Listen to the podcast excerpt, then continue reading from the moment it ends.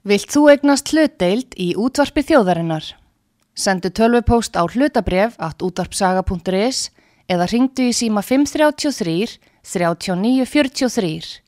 Útvarpsaga stendur vörð um tjáningafrelsið. Sýteðis útvarpið á útvarpisögu í umsjón Artrúðar Kallstóttur.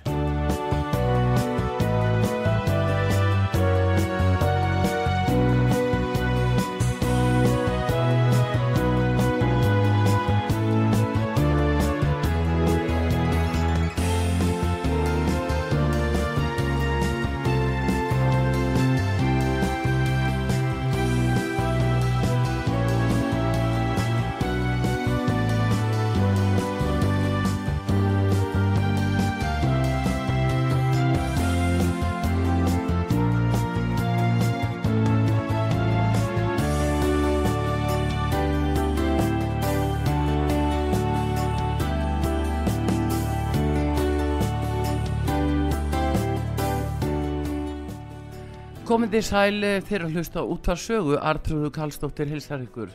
Að þessu sinni allir að ræða stjórnmálinn og það er eh, komið til mér Sigmundur Davík Gullaugsson, formaði miðflóksins og fyrir um fórsættisáð þeirra.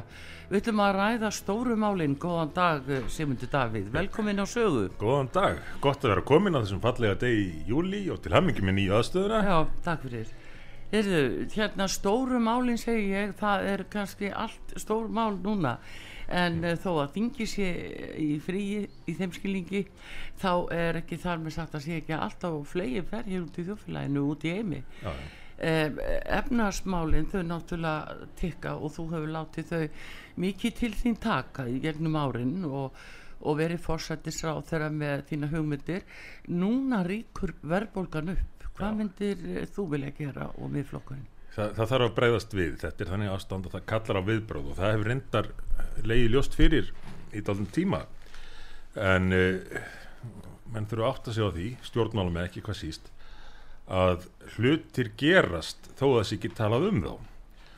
Og stundum virðist mannum þykja þægilegast að líta framhjálfutunum og, og ræða þá sem minnst og það kannski ekki hvað síst við í, í júli þegar menn telja sig komast upp með það frekar en á öðrum tímum ás en þetta verðbólgu ástand kemur ekki óvart. Ég og reyndar miklu fleiri mm. höfum bent á það í, í allangan tíma að, að þetta væri mjög veruleg hætta sem að stjórnvöld væri að vann með þetta og hvers vegna mátti gera ráð fyrir þessu? Í fyrsta lagi auðvitað vegna þess að þegar að hagkerfinu er að miklu leið til lokað í tvö ár Fram, það dregur úr framleyslu, það dregur úr verðmændasköpun í samfélaginu eins og vegna þessara lokana í, á COVID-tímanum. Og það er brúðist við á meðan með því að prenta peninga. Þá er óhjákvæmilegt að það leiði til verulegur verðbólgu. Þetta var fyrir sjáanlegt mann myndi ekki grípa til einhverju mótvæðisaðgerða þá myndi þetta skila sér í í töluverðri verðbólgu. Svo bætist við stríðið í Ukrænu Mm. sem hefur auðvitað mikil áhrif á ráfurumarkaðina uh, og það leggst ofan á þetta. Og úrverður það sem að það sem að einsku mælandi fólk kallar perfect storm eða hinn fullkomni stormur. Mm. að koma saman uh, kem, kemur sa- samtímis óæskilu þróun sem getur leitt til keðjuverkunar. Og nú hef ég ágjur af því að ríkistjórnin átti sig ekki á því hversu hættuleg þessi keðjuverkun geti orðið. Þess að hún þarf að grípa til aðgerða strax. Og ég uh, skrifaði inn í mitt- í mitt grein um það fyrir í sumar að það mætti ekki býða fram á haustið eða fram yfir áramót með aðgerði til að taka á þessu því að þeim mun setna sem þeir koma þeim mun minni árangri skilaðir Já. ég laði til að minn byrjuði að minnstakosti á, á þremur atriðum nú þegar þingi kemur saman í ágúst aukalega á aukafund uh, vegna kynningar á Íslandsbanka skýslunni Já.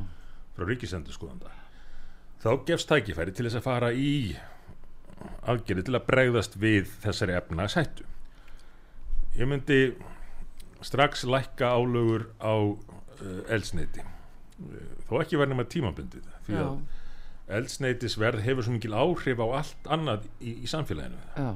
og þetta er meira eins og nefskattur heldur en aðri skattar því allir þurfa að komast leiða sinnar og annarkvort þá kaupa eldsneiti sjálfur eða, eða borga þeir sem fara í almenni samgöngur til dæmis borga eldsneiti einhvað síður.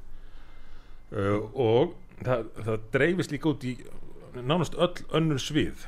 Flutningar eru háðir eldsneiti og eldsneiti sverði það hefur áhrif á vöruverð og svo framins Þess þetta væri skilvirk og sangjörn aðgerð en það er meiri hlutin af, af, af kostnaðurum við eldsneiti eh, alls konar skattar og gjöld alltaf verið að finna upp ný gjöld og hækka þau sem fyrir eru.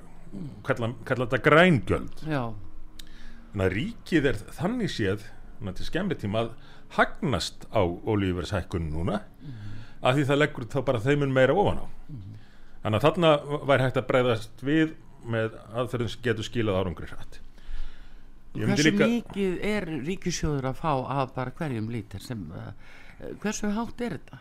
það er meirinn helmingur ætla þess ekki, ég hef ekki reiknað með þessi nýjustu hærri verð en það er örglega hátt í örglega hátt í 60% núna þegar allt er talið. Sem ríkið tekur. Já, já, uh, og á sama tíma ég vilja sjá lækkun um mataskatts þar að segja lægra þreps virðisaukaskatts. Því það hefur áhrif á allt uh, samfélagið og svona á, á tiltölulega jafnanhátt það þurfa allir að borða það hjálpar líka til varandi stöðu landbúnaðarinn sem er nú sérstakt áðugefni sem við vonandi náum eitthvað að ræða hérna á eftir. Uh, það er önnur aðgerð sem að getur haft áhrif fljótt og slegið á eða komið vekk fyrir áframhaldandi keðiverkun það er að lækka neðra þrepp virðisaukaskatt já, allt svo að- upp og lækka þá uh, matfælaverð fyrst og fremst já, fyrst og eða, fremst matvælaverð. eða viltu meina að fara út í aðra neyslu líka? Já, það eru auðvitað fleiri vörur í, í neðra þreppi virðisaukaskatts en það eru allt meir og minna vörur tengda ferða þjónustu já, já, Og, og vörur sem að, allir þurfa á að halda. Já, þannig að það skila sér yfir allt samfélagið Mm. og gera það fljótt. Auðvitað þarf að fylgja þessu með því að að hafa virkt verðlagseftilit og þá kemur neytendum að beina, beina viðskiptum sínum að þeim sem að lækka í samræmi við skattalækunina og, og helst meira en það. Uh, og refsa þeim sem að sem ætla að halda verðinu og breyttu þrátt fyrir Já. lægri skatt. Það, það er alveg nöðsynlegur þáttur í þessu.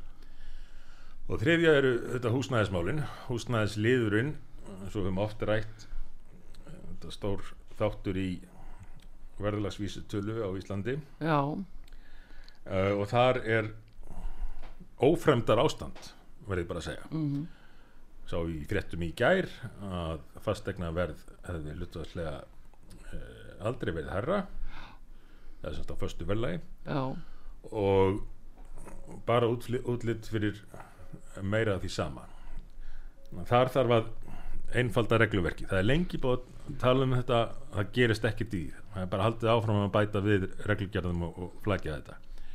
Það þarf líka að búið til kvata til þess að ráðist sé í framkvæmdir og meira byggt skortir auðvitað mjög verulega húsnæði ekki hvað síst fyrir ungt fólk og tekjulegra fólk sem að kemst núna bara ekkit inn á markaðin og uh, það er alveg óhjákvæmilegt að, að sveitafélagin verði uh, já, skulum orða þannig dæminu verði snúið við frá því sem nú er að ríkið gerir kröfum það að sveitafélagin útvegi ljó- lóðir. Að að undanförnu síðastlegin ár hefur ríkið kannski verið meira þvælast fyrir sveitafélagunum sem að já, vilja skipuleggja sem hver, frætt og vel. Og þá lend, festist það einhvern veginn í kerfinu. Þessu þarf að snúa við með því að, að stjórnvöld uh, ríkis skipulagskerfið íti undir uh, skipulag í sveitafélagunum þannig að við fáum meira frambóð og hagkvæmari byggingaframkvæmdir. Já en hérna, þetta er alveg tvíþætt sko, þeir eru út að lýsa þessu í húsnæðismálunum. Það er annars vegar þessu eða þessar hindranir fyrir ég bara ungt fólk og alla þá sem að vilja að kaupa sitt eigið húsnæði. Já. og þá ber hæst ymmit hversu erfitt það er að fá greiðslumat í bungum greiðslumatið og það, þau skilir sem sett eru og reiknu þar, þar inn þau eru bara svo óhagstæð til dæmis ungu fólki sem er komið til skóla eða Já. áenga sjóði og, og stendur bara umvöla með tvær hendur tómar Já. það er ekkit úrræði fyrir það að fólk nema frávís úr, úr, úr bankanum einmitt og lýsandi fyrir þetta ástand að fólk sé oft á tíðum að borga mánarlega miklu hærri leigu mm. en það þyrfti að borga af lánunum. Eða þengi lánið. Já, samt fær það ekki lána því það uppfyllir ekki þessi greiðslumat skilir því og þegar þetta er orðið svona þegar kerfið er hægt að virka þá þarf bara ríkisvaldið að grípa inn í og gera ákveðna kröfur til fjármálastofnana um uh, lánveitingar en það er eðlilegt að gera meiri kröfur til banka og lánastofnana heldur en uh, fyrirtæki almennt. Já fyrir alveg hverja eru þeir. Já. fyrir hverja eru þeir. Það, en talandi um þetta sem þú Davíð að, að uh, það reynir ymmit á það þegar að fólk er að reyna að uh, leita eftir fjár, uh, fjármögnun að þá er sagt nei samkvæmt kreditinfo þá stendst ekki greiðslumati. Þannig að bankin þarf um ekki að leggja mat á sjálfur. Það er stopnun út í bæ sem er í einokunarstöðu og starfar undir vendar persónuvendar Já, þetta er bara eins og í grínþáttunum The computer says no. Já. Og, og, og þarna er eitthvað að sjáðu til, finnst manni því Já. að rætur að þessu og byggir á reglugerð frá árinu 2013 frá velferðar þeirra yfir til bankana það er ekki verið hrópla við þessari reglugerð sem segir bara að eh, bankarnir megi gera þetta svona nota kreditinfo og, eh, og fólki bara vísa frá. Unga fólki það er dæmt til þess að fara út á leigumarkaðin Já, já, á síðasta kjörtíðanbili lögðu við fram fyrirspurnir um akkurat þetta til ráðarana mm. og þeir uh, viku sér undan því að, að svara því og ætluðu svo að skoða þetta meira og svona og það, það kom engin svör. Þetta, er bara enn eitt dæmið um uh, kerfisræðið þar sem að kerfið fær að stjórna sér sjálft og setja sínar eigin reglur og stjórnmálamenninir einhvern veginn leggja ekki í það eða þóri ekki að stjórna þetta, maður fann að sjá þetta á öllum sviðum. Þú tala nokkur sem við myndum um þetta kerfið, kerfið er búið að taka völdin til sín. Já, en hvernig, sko, í raun og veru hvernig er þetta að bregðast þessu? Hvað geta stjórnmálin gert? Sko, stjórnmálin hafa valdið eigað hafa valdið þegar að stjórnmálamenn eru stöðut eins og þeir eru enn að gera og mér finnst í vaksandi mæli að gefa frá sér vald þá er þeir að gefa frá sér einhvað sem þeir eiga ekki og geta þar alveg ekki gefið. Því að valdið er e, kjósendana, almennings í líðræðisríki á það að vera þannig. E, en þetta hefur bara orðið of þægilegt fyrir marga stjórnmálamenn að útvista stjórnun landsins og í stað þess að taka ákvarðinni sjálfur og bera ábyrð á þeim að segja bara ja, þessi nefnd fagmanna segir mér að svona er þetta að vera. Já, uh, og lögin eru öll skrifuð meir og minna já, nánast öll uh, af embættismönnum í ráðuneytunum og ofta, oftar en ekki uh, draugin uh, undirbúningsvinnan unnin af stofnunum ú- út í bæ. Uh, hagsmuna aðilum í ákveðnum tilvikum ef það eru hagsmuna aðilar sem eru stjórnlunum þóknulegir uh, og stofnunum ríkisins sem að vinna upp í hendunar ráðanendina sem að býr svo til frumvarpið sjálft og réttir ráðherranum sem að trillar með þannig í þing og, og kynir það þar.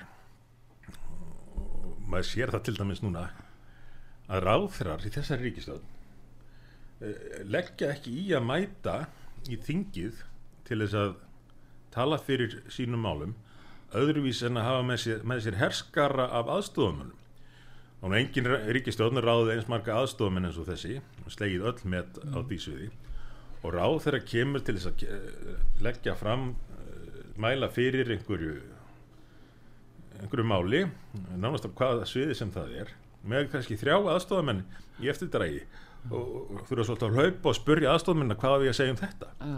Líka þeir eru mæta fyrir þingnefndir. já, já, Já. talum ekki það Já, og, og svo koma þetta fyrir þingnefndirnar eðurlega þeir sömu og skrifuðu frumvarpin og undirbygguðu þau til að útskýra fyrir þingmannunum hversu þetta verði að vera svona. Og hvað er þetta að gera í þessu? Spyr þú.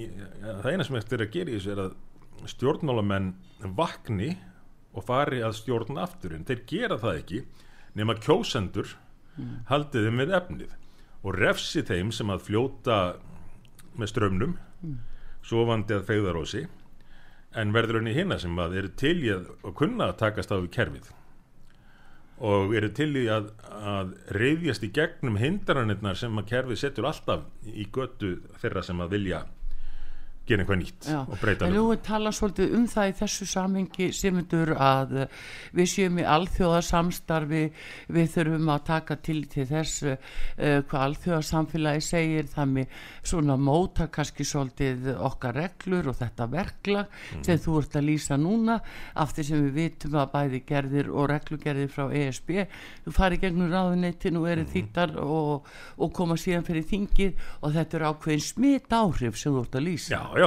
tvímannlust, Að- það er orðið yfir það. Mm. og, og þetta með alþjóðakerfið og skuldbindingar okkar þar er, er ofta tíðum eh, skálkaskjól.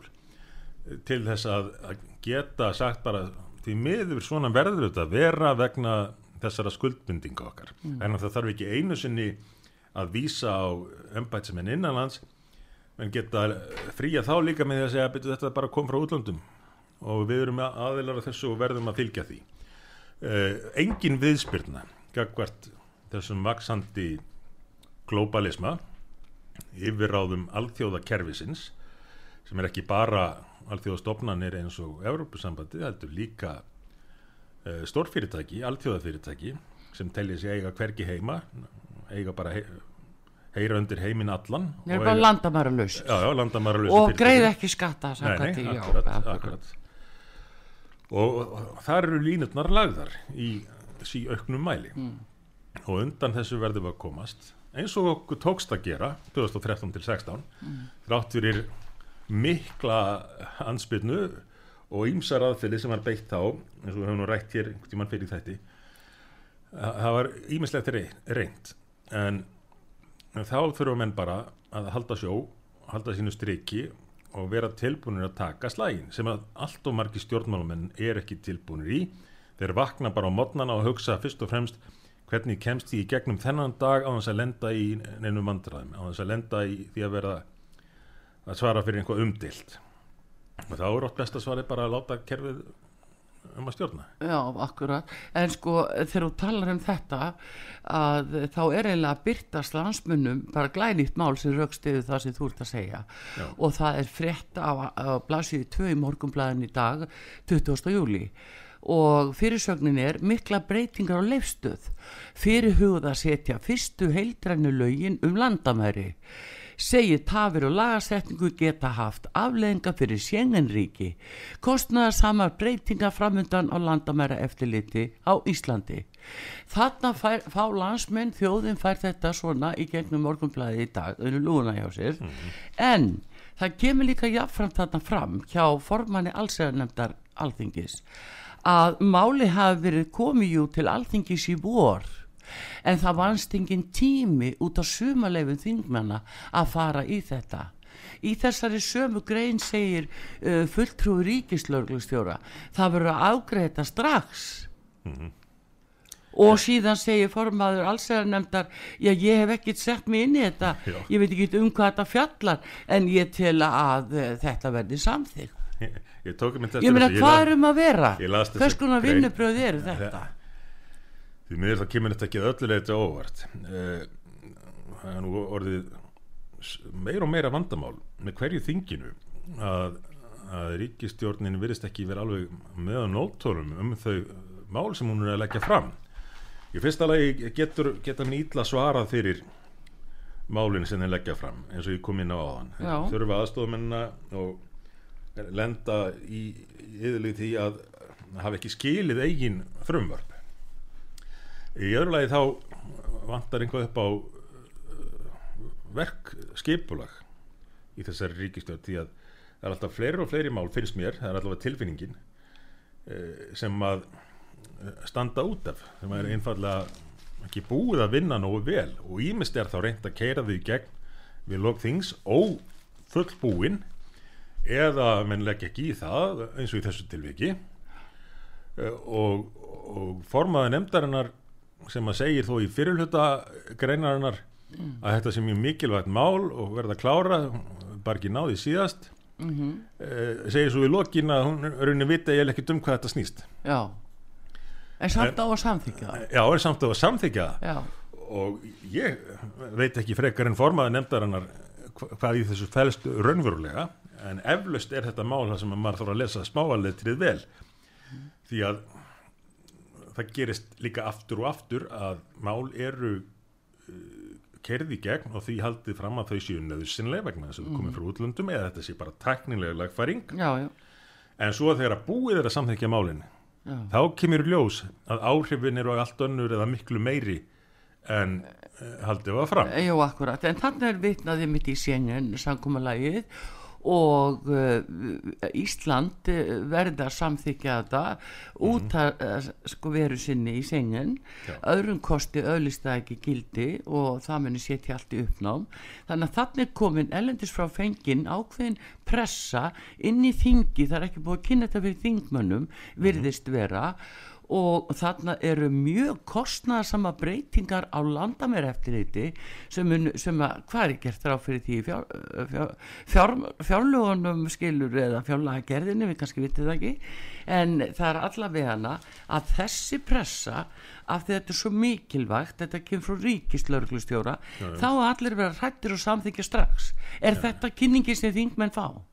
hún verður einhvern veginn svona, öruglega ég, ég, ég hef ekki töl á því hversu mörg mál ríkistofnin hefur kert í gegn með því að segja bara að við verðum að samþykja þetta. Mm. af því að við þurfum að standa við eins og þú nefndir áðan alþjóðlega skuldbindingar okkar. Eða vegna þess að ef við gerum það ekki þá förum við á einhvern svartan lista og svo frammeins eða þá erum við að tefja fyrir öðrum. Uh, og, og aftur og aftur er semst verið að samþykja mál vegna þess að við neyðumst til þess frekar en vegna þess að við teljum að það eigi að gera það eða það sé til bóta. Já, og maður stú til dæmis hvernig umræðan var þegar að Schengen var Schengen aðeld Íslands var fyrst samþygt Já. Ísland fyrsta eigin í Evrópu sem að að vera með þrátt fyrir að vera utan ESB já, ESB-lönd, Eiríki tóku ekki þátt. Já, uh, þá var þetta kynnt þannig að þetta, þetta væri bara til þæginda. Þetta væri ekkit stór mál við getum ferðast út um allt með minni fyrirhöfn þyrftum ekki einu svona að hafa vegabref þá er aðalega við þyrftum ekki að fa- fara til síslum og fá passan e, já, það var svona aðalega átt að vera svo akkurat. Og svo uh, hugsa kannski einhver já, þetta, þetta er bara þægilegt og, og lögreglan fær meiri upplýsingar og svona. Já, já, ágreðum þetta bara. En svo þegar búið er að staðfesta þáttökuna þá koma öll álitamálin og vankantarnir í ljós en þetta er bara því miður orðið gegnum gangandi í nútíma stjórnmálum þar sem að stjórnmálum allt á margir hvorki fylgjast með nýja þórað hafa afstöðu nema þá að framfylgja stefnu kerfisins, leiðbenningum þess og því sem að þeim er sagt að þurfið að gera. Já sko þetta er stór mál sem þetta hafi varðandi breytingar á landamæra eftirlitinu og þá kannski þeim reglum sem að, gilda um það.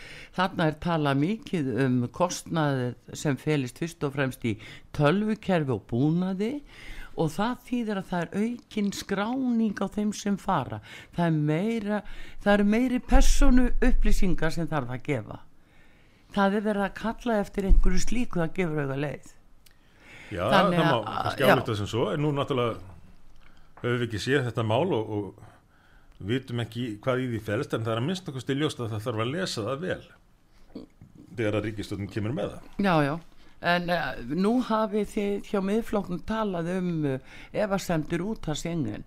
Uh, hvað finnst þið, hvernig slær þetta þig núna ef að, að það stendur svona mikið á og þetta er einróma samþykki sem er grafist, ekki meiri hluti, heldur bara einróma. Það þýðir að Ísland er algjörlega bundið. Við að vera mm. inni? Hverju myndi það breyta og færum að út af sengin? Mér þykir álitamál og við hefum eins og þú nefnir reynd að vekja máls á þessu og fá umræðu um og skýslu um uh, kosti og galla aðeldar Íslands að Schengen og menn taka oft mjög illa í þetta og, og nota aftur og aftur sama svarið sem er það að ef að við værum ekki þáttakendur í þessu þá fengjum við ekki eh, eins miklar upplýsingar frá löggæslu í öðrum ríkjum Þeir fá þetta bara upplýsingar í gegnum Interpol að virkar í báða, Ja, akkurat, báða vegu vegna þess að, það að- að þeir vilja líka vilja sína menn hér. þannig að þeir eru svo háðir í að fá upplýsingar frá okkur. Snúum þessu við. Já, ná- nákvæmlega. Og þetta er yfirlega mitt svar. Að það væri frálegt að ætla það að ef við værum ekki þáttakendur þarna þá er okkur refsað með því að upplýsingum er ekki deilt. Það er hagur allra að deila upplýsingum eins og þú segir. Þess að því skildi það verða niðurstaðan en, en menn eru bara oft svo hrættir við að rugga bátnum og, og segja einhvað sem að tala nú ekki með er kerfi í útlandum gæti gert aðtúasendir við. Ég upplýði þetta oft uh, þegar ég var á, á ferðalögu með þingmönnum eða sem ráðherra að, að hitta einhverja talsmenn Európusambandsins til dæmis sem að gáði sér talimann til þess að íta á það að við innleitum einhverjar reglugerðir sem væri búin að býða of lengi. Bara til að nefna eitt dæmi einhvern tíma nú að farið í skoðunarferð í rútu. Kemur maður til mín kynnið sig og sestu í hliðin á mér. Uh, og ég held hann alltaf að fara hvað, bara, svona, að spjalla um, um útsýnið eða það sem við varum að fara að sjá. Nei, þá var hann sestur hann með lista af einhverjum einhverjum Európa-reglugerðum Mhm. til að potaði mig með það hvort ég gæti nú ekki ítt á að flýta okkur að klára þetta. Og maður sér alveg fyrir sér að að margir stjórnmálamenn þegar þeir lenda í einhverju svona að fara að hugsa já, byrju, þetta er nú ágefni ef að er komin hérna þessi sendiherra eða þessi sendifulltrú eða hvað sem er er að vara okkur við að við sem ekki að standa okkur nógu vel. Við þurfum að fara að taka okkur á er eflaust hugsunin hjá mörgum til þessi leikurinn gerður.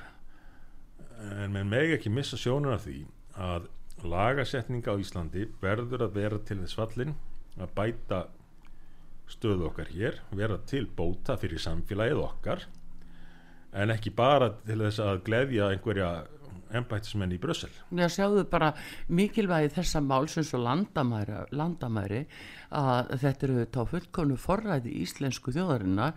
Þetta er bara okkar fullveldis reglu sem að grípa þar inn Já. og það að taka við fyrirskipum ellendis frá um að við erum að breyta einhverju uh, bara síðan hvenær er, er það uh, bara samþygt og síðan hvenær er það ekki bróta stjórnarskrá Já, en svo ganga menn sko ennþá lengra en það.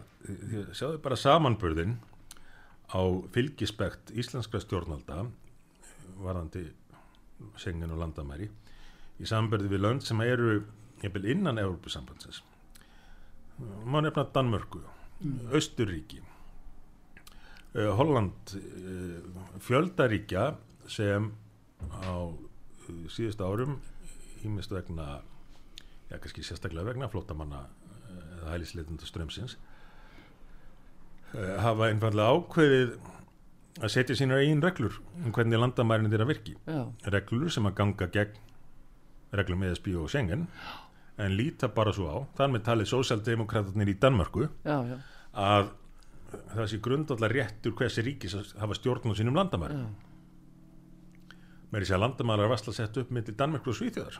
Já, já. Sneru alveg, sneru alveg, já. Þannig að það var, já, já, það er það sem er, en, en hins vegar sko, það er afskaplega lítil umræða og bara einhvern veginn málsum meðferðin á þessu máli sem við tiltekna, sem er að byrtast þarna í morgun út af breytingar á lefstöð og, og þessu landamæra eftirliti, mjög kostnaðarsamt, það er svo óeðlilegt að það sé ekki kynning á því frá þingjuna þegar kom þar inn í vor. Og, og sko núna einhverju mánuðum síðar er þetta detti gegnum morgunblæði það er oft, oft og yðurlega þægilega fyrir ríkistönduna að fela mál þanga til að þau eru svo kerði gegn í, hraði. Vegna þess að annars eiga minn á hættu að lenda í í ómingill umræðu og, og því að einhverju fara að skoða málið og hvaða áhrif það raunverulega hafi. Þá sé ég ætla að hætta mér alla leiðið út, út í þá umræðu ætla ég bara þó að minna á til samanbörðar mm -hmm. hvað er fjórði orkupakkin? Akkur er ekki búið að segja okkur frá honum? Já. Akkur eru stjórnvöld að fela hann eins og þau földu þriði orkupakkan eh, til þess að forðast umræðu svo átt að keira hann í gegn, eitt, tver og bingo en þá þá leftu þau í, í smá fyrirstöðu mm. í, í formi miðflokksins en planið var bara augljóslega að segja, tala sem minnst um þetta og reyna svo að lauma því gegn í, í hraði maður býst við svipuðum þennan fjórðorkupakka en, en þetta á bara við í svo mörgum málum. Já, en glýttir ekki að í, í fjórða orkupakka núna út á orkuskorti í Evrópu sem er fyrirsjálegur og Þískaland jafnvel sér fram á frostavetur sko. Nú, uh, þú veist þetta er svo skelvilegt ástand. Já, þannig að hver verður þá pressan á Ísland af því sem að uppala, í uppalöfu reglugerðinni frá uh, eh, ESB þegar að uh, um það var talað að orkupakkandi væru að taka gildi mm -hmm. þá var sagt til legðu áherslu á jáðaríki Ísland er eitt af jáðaríkjum þetta er fymtagreinin þannig að, mm -hmm. að það er alveg ljóst að það auðastæðurinn er búin að vera á íslenskri orku Þú getur nú rétt ímyndaði hvort það verður ekki hamangangur í orkumálunum á næstunni mm -hmm. ég er búin að vera að lesa um stöðuna í Þýskalandi sem er alveg uh, svakaleg þeir eru farin að skipulegja sköptun á orku núna í vetur mm. og þá eru komin upp deilur um hvort að eiga forgangsræði þá yðnaðarins og mhm. framlegslunar svo þau geti framlegt uh, bensana og verkfærin og allt þetta eða hvort þegar forgangsræði þá heimilana komlar upp hugmyndir um og byrjaði að skipulegja það að, að félagsheimili og slíkt verði uh, kynnt sérstaklega haldið heitum þannig að fólk sem hefur ekki efna að kaupa sér orku Já. getur komið þanga til þess að hlýja sér Já. farið úr íbúðinu sinni mm. í félagsheimili til að fá hlý, smá hlýju uh, enda náttúrulega eitt og annað sem kemur til hana fyrsta lagi þetta algjöra kæruleysi með að reyða sér svona mikið á innflutning frá uh, Rúsland en líka uh, umhverfis áhrifin sem að felast í uh, síhækkandi orkuverði. Þannig að það er orðið sérstatt hugtak í Þískalandi orku fátækt Já. fátækt vegna þess hversu dýrt er fyrir fólk að kaupa orkuna. Og svo á sama tíma leggja þær af kjarnorkuverinn og, og draga úr eigin framlegslu og setja upp einhverjar vindmjölur sem að eru náttúrulega mun óareðanleiri og ekkert vist að séu e, náttúrun í hag þegar allt er skoðað mm. og finna sér svo í þessari stöðu að í Þýskalandi sem að hefur nú verið talið mesta yðinveldi heims ofta á tíðum e, sé gert ráð fyrir orgu sköndun innan nokkura e, mánada hægt og að fólk frjósi í íbúðum sínum mm -hmm. og uh, bara algjöru neyðar ástandi Já, það er einmitt að það er alveg förðulegt að sjá þetta gerast Já. en það er bara vegna þess hvernig þessum hlutum hefur verið stjórnað stjórnað ekki út frá því að leggja kallt mat á það og, og hvað virkar staðarindir heldur út frá einhverju ímynd eins og í þessum umhverjasmálum eins og í orgu viðskiptunum það var nú mikið gríngert að ég veit ekki hvort mér munið að, að, að Donald Trump uh, held ræðu á saminnið þjónum og gaggrind í Þískaland fyrir að vera orðnir of háðir orkukaupum frá Rúslandi þetta myndi komaðum í vandræði. Og, og fulltrúar Þískalands þarna í saminnið þjónum þeir, þeir hlógu og hristu hausinn. Og það eru gerð myndbundum þetta og, og mikið leið á Trump. Talið tómiðlis að vendala vegna þess að þetta var Trump þannig að allt sem hann saði hlaut alltaf að vera já. en svo kemur þetta nú á, á dagi núna og þjóðverðin er ekki að hlæja lengur. Uh, og En þú sér líka græningar eru í ríkistjórn í, í Þískalandi þannig að þeir vilja ekkit allt og mikið orgu skilju ekki í þeim skilningi, þeir, þeir eru nokkið ofhrifnir Nei, nei, þeir Þannig að fólk getur bara verið út í gattinu eins og sko. græningarnir okkar, þeir vilja helst bara sem minnsta orkuframleyslu mm. og tengja ekki við það að minni orkuframleysla þýðir minni framleysla að minni lífsgæði uh, erfiðara líf fyrir fólkið en mannfólkið er nú orðið einhvers konar aukatriði hjá summa af þessum, heyrðu, en hérna Simtu Davíð, ég ætla einmitt að halda áfram að tala um uh, umhverfismálin og loftlagsmálin Mhm. og uh, þessa, þessi rosalegu mótmæli sem er í Hollandi núna Já, er og, að og í skjóli loftlagsstefnu og uh, mm, það er diggilega þagað yfir þessu máli svo fyrirlega það nú er hér á Íslandi. En ég ætla að ræða það við uh, Simur Davíð Gullugson uh, formann miðflósins fyrir um fórsættisáð þeirra sem Styrtareikningur útvarpsögu í Íslandsbanka á Granda. Útubú 513, höfubók 26, reikningur 2.11.11. Nánari upplýsingar á útvarpsaga.is. Takk fyrir stöðningin. við gestum hér á útvarpi sögu við fáum auðlýsingar. Sýteðis útvarpið á útvarpisögu í umsjón Arnþróðar Karlsdóttur.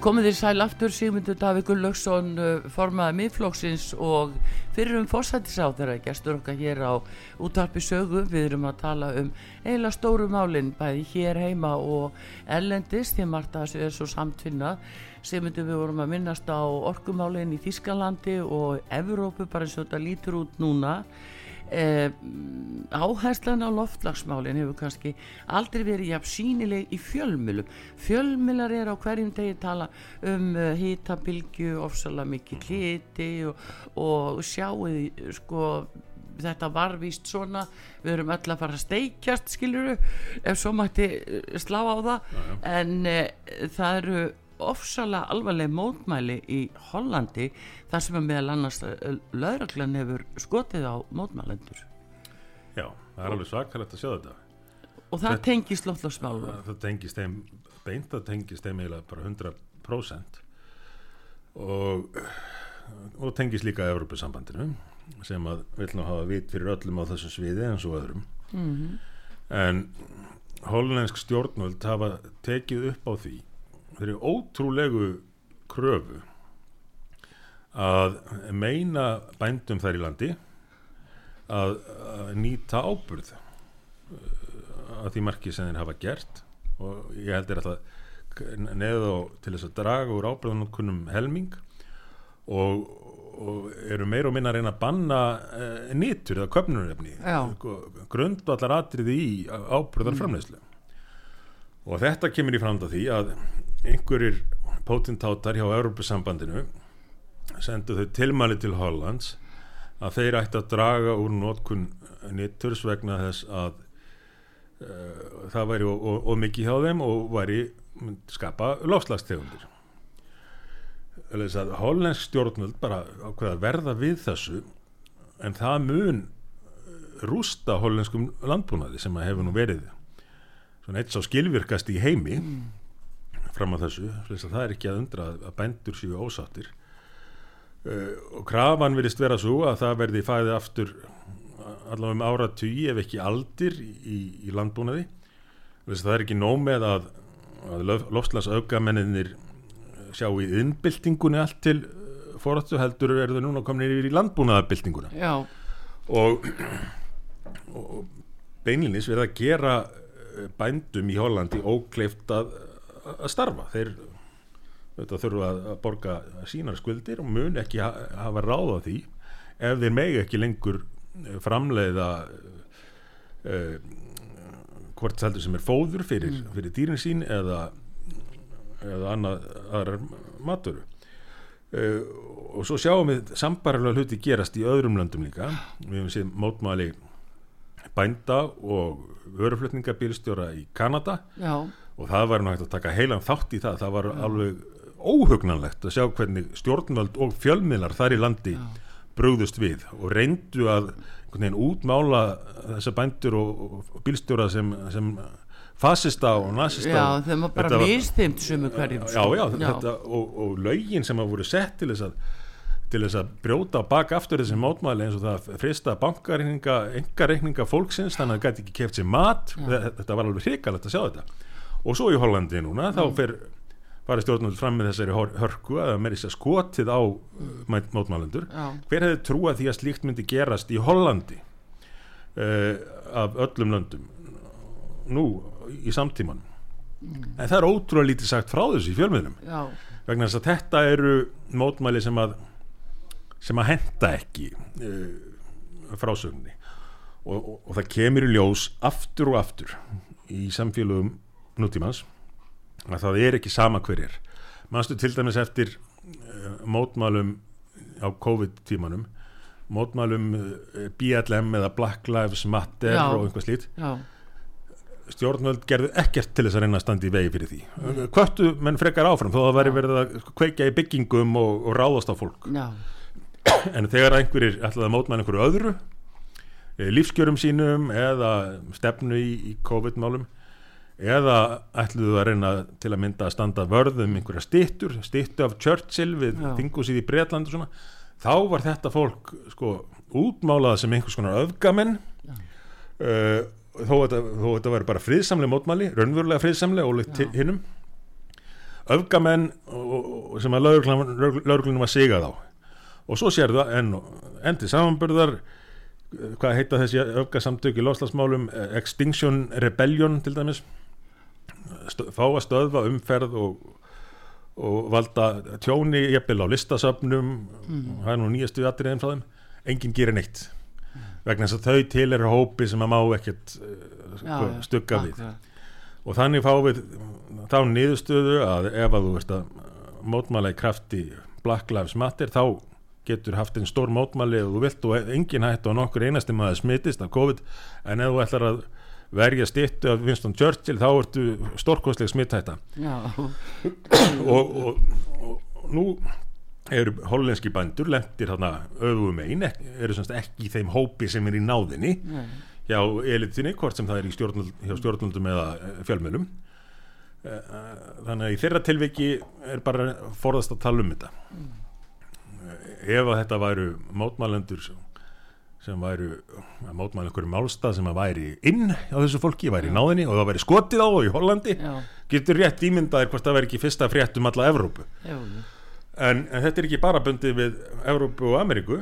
Við sjáum ástandið í Sri Lanka. Já, það er alveg að sama, sko, það er sama ástæð það er bara hungur þar. Já, já, og það er einmitt nátengt og Hæti og, og fleiri stöðum Sri Lanka auðvitað var eflaust fleira að þar en mm. það var allavega mjög stór þáttur í, í vandraðan þeirra nú að stjórnland eh, tóku upp á því í, á Sri Lanka að banna innflytninga ábyrði uh, og ætluðu að fara bara á einu augabræði að fara engangu í uh, lífræna rektu engan ábyrð svo leiðis að landbúnaðar framleysla hrundi í landinu. Mm.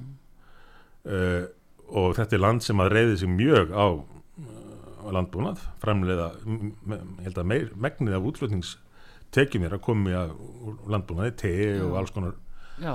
jörgtum sem er framleiða þarna og þess að hagkerfið hrundi líka og stjórnvöld á endanum sá að þetta gengi ekki og afléttu innflutningsbanninu mm. allavega einhverju leiti en þá var það bara orðuð og seint, hagkerfið var runið mm. Og þess vegna minni ég á það það er ekki ráðnum í tíma sér tekið eins og jefnagsmálum okkar núna. En allt ber þetta sama brunni. Fyrsta lagi það er litið fram hjá staðrjöndum það er litið fram hjá vísindum og yfirbræð og ásýnd er allt sem að skiptir máli. Og þá fer illa. Eins og í eh, Sri Lanka nú þegar eins og stefnir í Hollandi og þú nefnir já, Haiti Ghana og, fleiri land já. þar sem að svona nútíma heimsvalda stefna og segja Evropasambandins og annara alltíðastofnuna mm. er farin að valda jafnvel hungri já, hjá þjóðum sem gætu bjarga sér? Já, einmitt, en er þetta ekki ymmit stefna í sjálfu sér Sigmundur Davíð? Er þetta ekki ymmit að búa til mataskort því það betra stjórna fólki þannig bara fyrir ekki að segja það. Því að sjáðu bara hér lítum okkur nær. Það er búið að vera að þrengja mjög að bændum hér á Íslandi. Það, það átti nú aldrei að sauma uh, nautgripabændum hér. Það að þeir hafa ekki alveg verið í fyrsta sæti. Það er verið að draga mjög verulega úr, úr fiskveiðum. Það er verið að minga þorskvótan núna um 6% í viðbjötar uh, þessi hvað 13,5 sín í fyrra. Þannig að það er verið að minga minga mataröryggið okkar já, já það, það er inn, einfallega verið á öllum sviðum að reyna að draga úr framleyslu. Þessi lofslags öfgastefna er ekki til þess fallin að bjarga lofslæginu, umhverfinu en hún er öll til þess fallin að draga úr framlegslu öllum mannlegum aðtöfnum og velferð og að því marki að það getur hennilega leitt til mataskorts ég ætla nú ekki að ganga svo langt að halda því fram að, að þetta sé eins skipulátti eins og hjá Stalin sem að beininlega speitt í hungri til þess að e, drepa stóðan hluta ukrainsku þjóðurinnar Hvað á fólk að halda? Ég, ég, já, ég vil að gefa mér þetta nú meira já. heimska og, og svona trúarhitti því að lofslagsmálun eru orðin trúa, trúarbröð hjá þessu fólki já. og, og það fyrir vikið það bara lítur fram hjá áhrifunum það lítur fram hjá staðrindum og raunveruleikanum mm. aftur og aftur og uh, það leiðir það, það hefur þess samt þessi mm. raunverulegu áhrif og þetta er ágefni fyrir íslenska bændu líka mm -hmm. ég til að þeir eiga að fylgjast mjög vel með þessari þróun og þeir eiga að bregðast við í tæka tíð þeir eiga til að mynda og nú hvet ég alla bændur sem kunna vera hlusta til þess að skoða lofslagstefnu íslensku ríkistjórnarinnar Já. því að þar er þessu líst það eru dregnar upp ólíkar sviðsmyndir um hvernig Ísland geti þróast og það fer ekki á millimála að svo sviðsmynd sem helst er mælt með felur í sér mjög verulegan samdrátt í matala framlýslu á Íslandi og reyndar annari framlýslu líka með uh, því að þrengja enn að íslenska landbúnaðinum mm -hmm. og nóg var það nú samt hefur verið sótt að hann úr ímsum áttum á undanförnum árum en þarna er beinlínis uh, dregin upp svo mynd að við eigum nánast að hætta að framleiða kjött já, já. Og, og það þurfum að koma því á með með því raunin að þinga greina í það. Já, ég mér alltaf að segja samt Simdu Daví að þetta er náttúrulega mannanaverk og mannana ákvörðun að þetta er stefna í sjálfu sér. Að vera að draga svona úr þessu vitandi fólk það má ætla það að fólk vitum afleggingunar Já, auðvitað ættum en að vita um afleggingarnar í talunum um þeir sem þykjast vera sérfræðingar á þessu sviði Já. samt er ekkaði stefnu sem að mun þýða ef henni er þið fyllt allstaðar myndi þýða að matala framleysla myndi dragast stórkostlega saman og verða minni en var 1960 líklega mm. og við ekki hafa nægan mat fyrir allt mannfólkið mm. en, en það er bara það verðist vera að þetta fólk loki augunum fyrir þessu. Og nú nefnum við hér á Íslandi ekki loka augunum fyrir hættuna á því að Íslenska ríkistjórnin gerir raunverulega það sem hún er að bóða Mm. að því að of oft líta menn svo á að, að þetta verður nú ekkert Já, en svo um leiðu er búið að veita samþykki einhver staðar fyrir þó ekki verðnum að hluta að þessu þá taka tannhjól kerfisins við Mhm. og þá getur verið of, of seint að að bregðast við þegar að allt stjórnkerfið er byrjað að vinna eftir lofslagstefnu sem að gerir ráð fyrir því að leggja íslenskan landbúnað af að verulegu leiti og þau geta bara vísað í við vorum búin að flagga þessu, við vorum búin að byrta þessa skýslu uh, um það hvað við ætlum að gera. Að það er ekki ráðning í tíma sér tekið, nú, nú þurfum við að bregðast við þessu. Já, já en það er samt, það er einhver uh, hulin hönd, það er ákveðin stýring á þessu. Og þetta er jafnvel þvert á, á hagsmunni okkar hérna út í já, út, í miðju allarsafi hugsaði sko hvað við þurfum að leggja mikla áherslu á fæðuöryggi. Mm að það sé ekki sko yfirvegun í kringum svona ákveðanir Já, já, það hafa nú gert grína því, eða grína mér lengi okkur fyrir að tala um mikilvægi fæðurikis.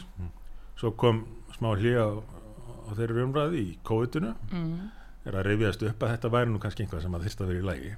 já, En, en það sem að róttast er að tannhjól kerfisins haldi bara áfram án tillits til þeirra atbyrða sem verða eða staðrinda, eins og svo oft vill verða raunin.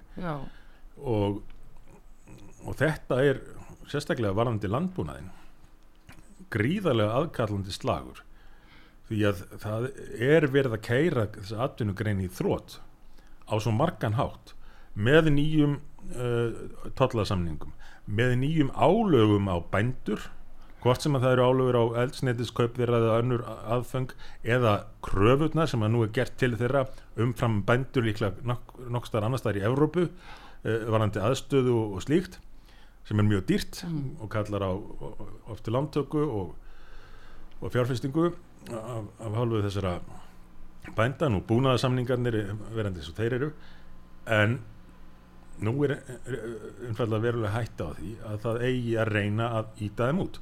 Því að þetta græna fólk það vill ekki í orkuframleyslu það vill ekki í hrein, íslensku hreinu orkuna eins undarlegt og það nú er. Uh, það vill ekki landbúnað á Íslandi uh, vegna þess að hann að þeirra mati losar allt og mikið af gróðrúsaloftegundum og um þetta má bara lesa í lofsla stefnu uh, ríkistjórnarinnar mm -hmm. ef menn hafa áhuga að kynna sér það. Uh, og þetta er bara vegna þess að þetta er orðin svona trúabröð og hug, hugmyndum að Ísland verði bara svona hálgerður uh, þjóðgarður eitt, þjóðgarður út í út í hafi uh, á þess að menn hugi nokkuð að því hvernig fólkið sem að býr í þessum þjóðgarði mm. að framfleyta sér og hafa búið öryggi varandi orku og matvæli og, og slíkt. Það má bara færa framleyslinn einhver annað finnst þessu fólki. Nú, mest lýsandi með, með tilröndið þeirra eða áhuga á að loka álverunum. Það kemur fram í loftlastofnum líka. Já, já. Uh, uh, vitandi það eða megandi vita að ef álveru lokar á Íslandi þá verður bara byggt annað álver í Kína í staðin Já. og það losa tífalt meira enn íslensk álverið en þetta er allt svo lokal hugsunin Mm, hjá þeim. Allt, uh, hún er svo afmörkuð. Þetta minnir mig á, á það sem við nú ofta rætt með, með aðgerðirnar uh, þegar fólk er sendið svíðþjóðar í þrefald dýrar Já, aðgerð á einhver já, stofu þar. já, já. en að því það gerist í útlöndum eins og þetta sé einhver svona óhreint sko, einhver verk sem að megi sjást já, ef það gerist í útlöndum þá, þá er það lægi og þá má ég borga þrefald meira fyrir það. Já, jú, jú það, það er þetta ósamræmi sem er svo skrítið sko. En e, það er líka sko það er einhver ný stefna og nýjar áhæslur sem eru í þessu málum eins og við erum að tala við orkumálunum og, og það, þessi mataskortu sem er verða sínilegur við það og við þurfum að passa okkur. En sko hverjir eru rauninni að hagnast á því að búa til svona erfileika hverjir hagnast? Það er talað um til dæmis að, að það sé greitt uh, uh, já, stórfjö í loftlagssjóði og, og það sé jafnvel til loftlagsveðbanki það er gott dæmi. Já, hverjir er að græða á þessu? Hverjir er að gamla uh, svo ég bara segi það. Globalistarnir uh, græða og þeir efnuðustu og stærstu fyrirtækin græða, til dæmis þú nefnir þessa sjóði. Það er bara toppurinn og ísekanum í, í nýja lofslagshagkerfinu það sem að sko, verður til net milli stopnana ríkistofnana það sem er raðað inn fólki sem hefur tekið trúna, mm. lofslagstrúna það er ekki býr líka til nýjar stopnanir og ný störf á þessu sviði sviði þessar trúar. Fyrirtækin fara að taka þátt í þessu og til verður svona nokkuð skona píramíta svindl það sem að ska, skattfjö almennings og oft nýjir skattar eins og öll þessi græningjöld rennur inn í þetta píramíta dæmi allt saman. Já, flæðir um kerfið og til þeirra fyrirtækja sem að taka þátt í þessu. Nú, þetta hefur reynda líka ímsa, einhver jákvæð áhrif. Fyrirtæki fara að þróa betri tækni og, og hafkamari orkuframleyslu og slíkt. Eh, þetta leiðir til framþróunar á ákveðnum sviðum. En vandin er sá að ávinningurinn af þessu skila sér ekkit til almennings það er bara innan þessa, þessa kerfis það sem að ríkið uh, til dæmis niðurgreiðir óhagkvæma orkuframleyslu og lokar á hagkvæma orkuframleyslu já, og skattleggur uh, borgarna til þess að standa undir því uh, styrkir fyrirtæki til þess að gera það sem að fær græna stimpilinn en vannrækir önnur fyrirtæki sem að gætu verið að búa til einhvað en þá hafkamara og, og, og einhvað sem myndi skila miklu meiru og þess að hér er verið að búa til hér er einin orðin til uppskrift að því að uh, eidilegja að miklu leiti uh, hagvöxt á Vesturlöndum um fyrirsjánlega framtíð því að þetta helst í hendur við, út, við það að flytja út framleysluna eins og mörglundi mm. hafa verið að gera mm. og menn vilja að við gerum með alveg til dæmis að verið að flytja framleysluna til Kína og Indlands og annað af því að mengunin sem verður til þar hún sést ekki á okkar uh, uppgjöri. Uh, útflutning uh, framleyslan og losunin eru flutt til landa þar sem að losunin við framleyslana er jafnan meiri. Já. Til þess að stjórnvöldi þessum Európaríkin getu uppfyllt einhver, einhverja kröfur sem að þau hafa annarkort undirgengist eða lagt á sig sjálf mm.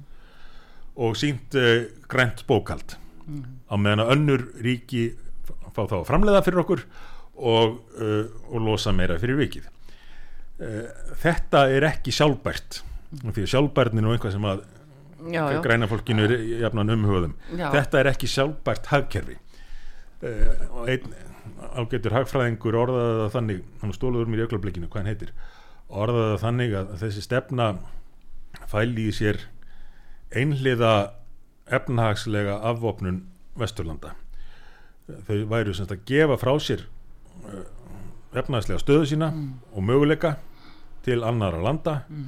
til þess að geta pappirnum sínt fram á að hafa dreigð úr losun Já. þó að losunin jæfnvel á heimsvísu aukist fyrir vikið Akkurat, Simdu, þú ert að lýsa í þessu uh, þessu miklu hagsmunamálum okkar íslendinga en uh, þarna eru ellendis frá fengin ákveðin stýring ákveðin sveibla sem við leiðumst með Mm -hmm. og í hvers nafni látum það nú á myndi hlutalinga en, en það er fleira svona sem að e, við erum bara að fá sko frétti, stóru fréttina sem ætti að byrtast í þinginu hjá ykkur þingmönnum þær eru að koma bara í blöðunum eða mm -hmm. í mhm. fréttunum og hérna eitt svona bara síðustum sem ég langar að nefna við þið að það er svo krafa að Ísland afsali sér forræði eiginlega á ákunnum hluta heilbreyðismála að þeir varðar farsóttir og annað í nýju frumvarfi líka sem er bara lekur út svona eftir rólega mm. eh, ekki fyrir þinginu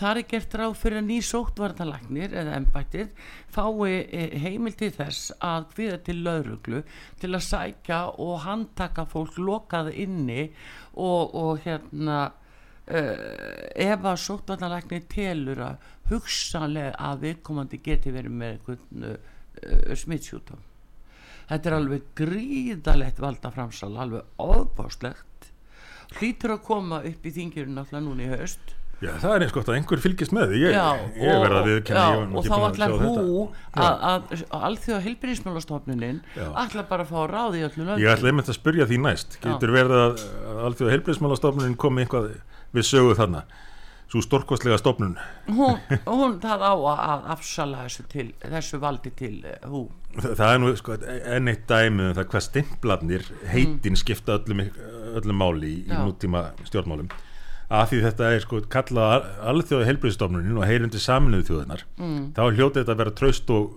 og gott apparat sama hvað þessi stofnun gerir Já. sama hversu sko, uh, spiltir stjórnmálamenn frá þróunaríkjum eru settir yfir þessa stofnun. Mm. sama hvaða yfir á kynverjar hafa þarna á kostnað annara ríkja. Og 80% eignarhaldi er í höndu Livjarisa Já, já, þetta er þetta er ískikileg þróun en, en það er en fullveld okkar er kannski svolítið á tímamótum. Það þarf alltaf að passa það og ekki mm. hvað síst þess að dana mm.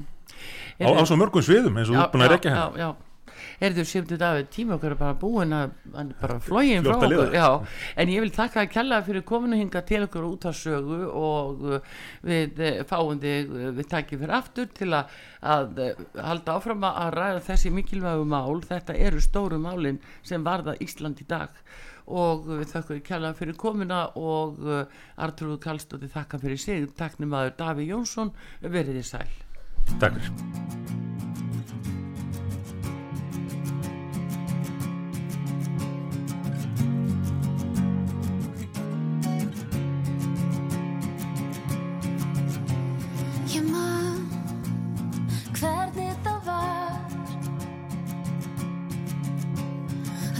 allan óttin í herjólfstaf Sjá þig í ljósunum. Með lífið þar hendislegt á heilanum. Þú þessi eiga ég loksins heima. Sem að nætu